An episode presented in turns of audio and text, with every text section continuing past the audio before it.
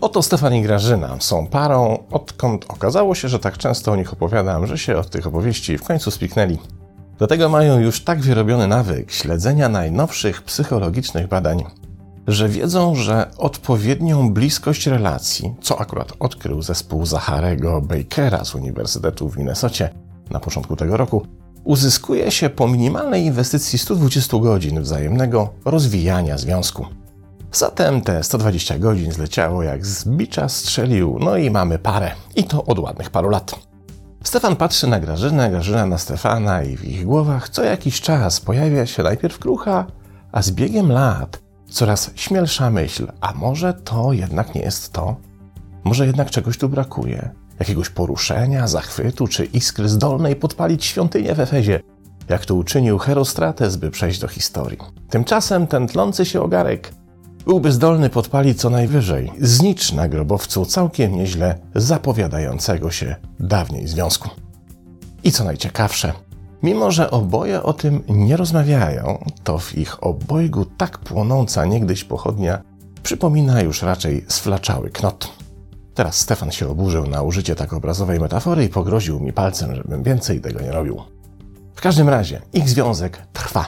W końcu jest tyle innych tematów, tyle problemów do rozwiązania, tyle trudów dnia codziennego, że czy aby na pewno chcemy do tego jeszcze dołożyć trud rozstania?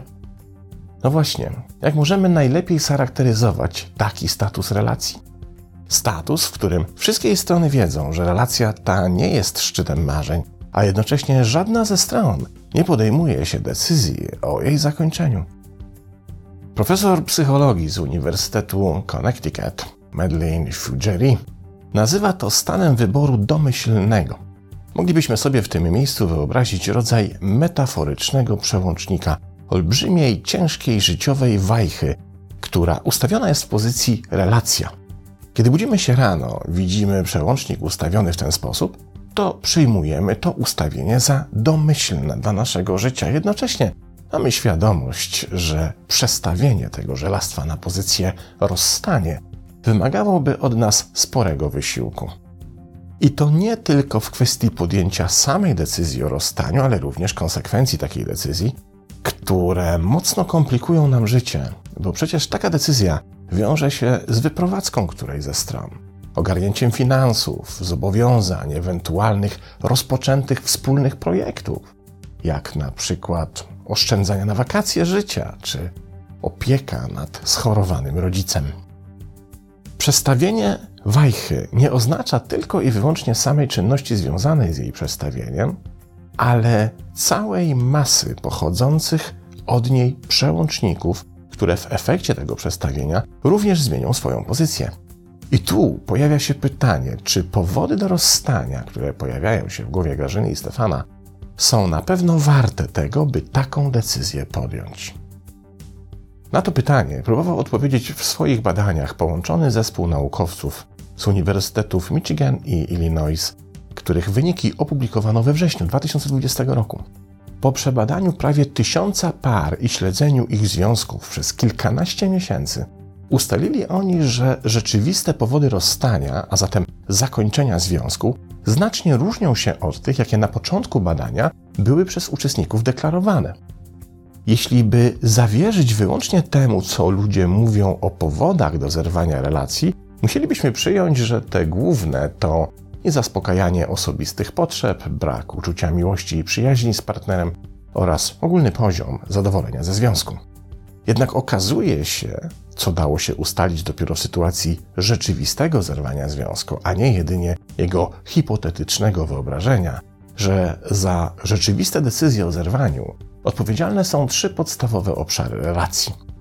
Po pierwsze, nawet jeśli w danym związku pojawiają się deficyty miłości, przyjaźni i spełnienia wzajemnych potrzeb, a zadowolenie ze związku jest stosunkowo niskie, to i tak większość związków nie decyduje się na rozstanie właśnie z powodu wyboru domyślnego, który zobrazowaliśmy przykładem ciężkiej wajchy ustawionej w pozycji relacja.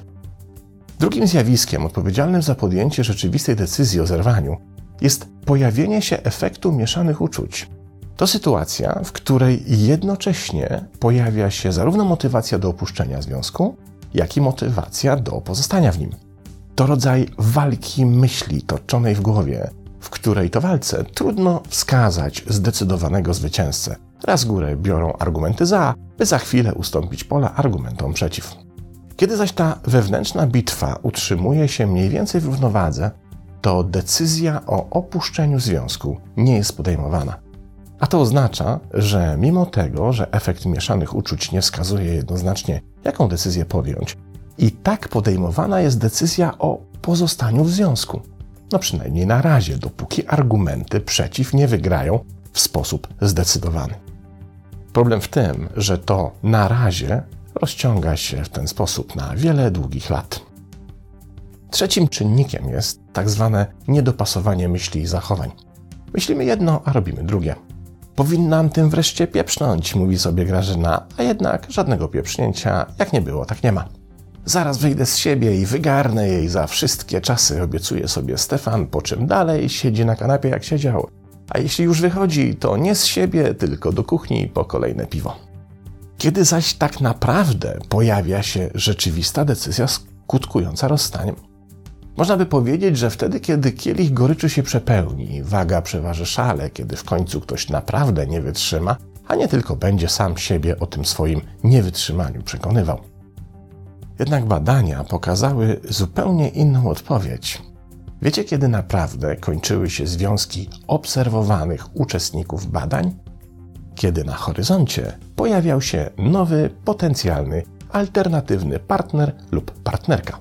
Wprawdzie inne badania pokazują, szczególnie w rozstaniach w związkach z ponad 20-letnim doświadczeniem, które to rozstania inicjowane są przez kobiety, nowy trend odchodzenia od, a nie do czyli sytuacji, w której kobieta opuszcza związek nie po to, by związać się z kimś nowym, ale po to, by uwolnić się od dotychczasowej relacji.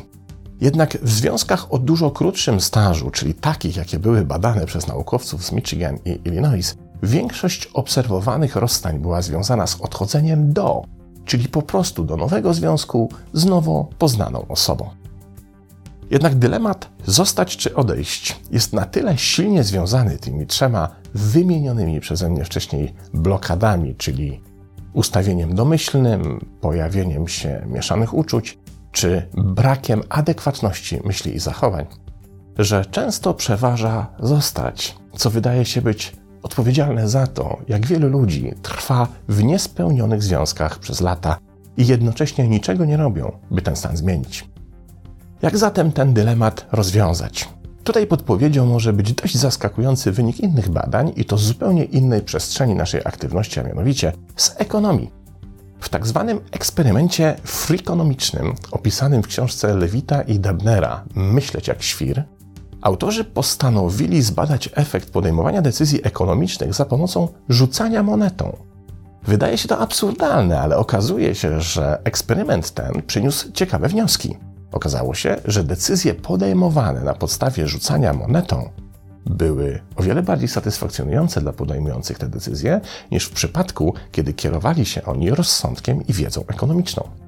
W końcu Lewitt i Dabner, zaintrygowani wynikami swojego eksperymentu, poprosili czytelników swojej książki, a w dziedzinie ekonomii ich książka okazała się bestsellerem, by zgłaszali trudne decyzje życiowe których rozstrzygnięcie mogliby powierzyć losowemu rzutowi monetą.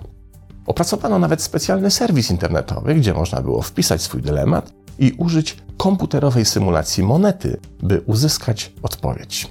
Okazało się, że ponad 200 osób wpisało pytanie, czy powinnam, powinienem zerwać z chłopakiem, dziewczyną. Wygląda to na szaleństwo, by tak ważną decyzję powierzać losowemu przecież wynikowi komputerowej symulacji rzutu monetą.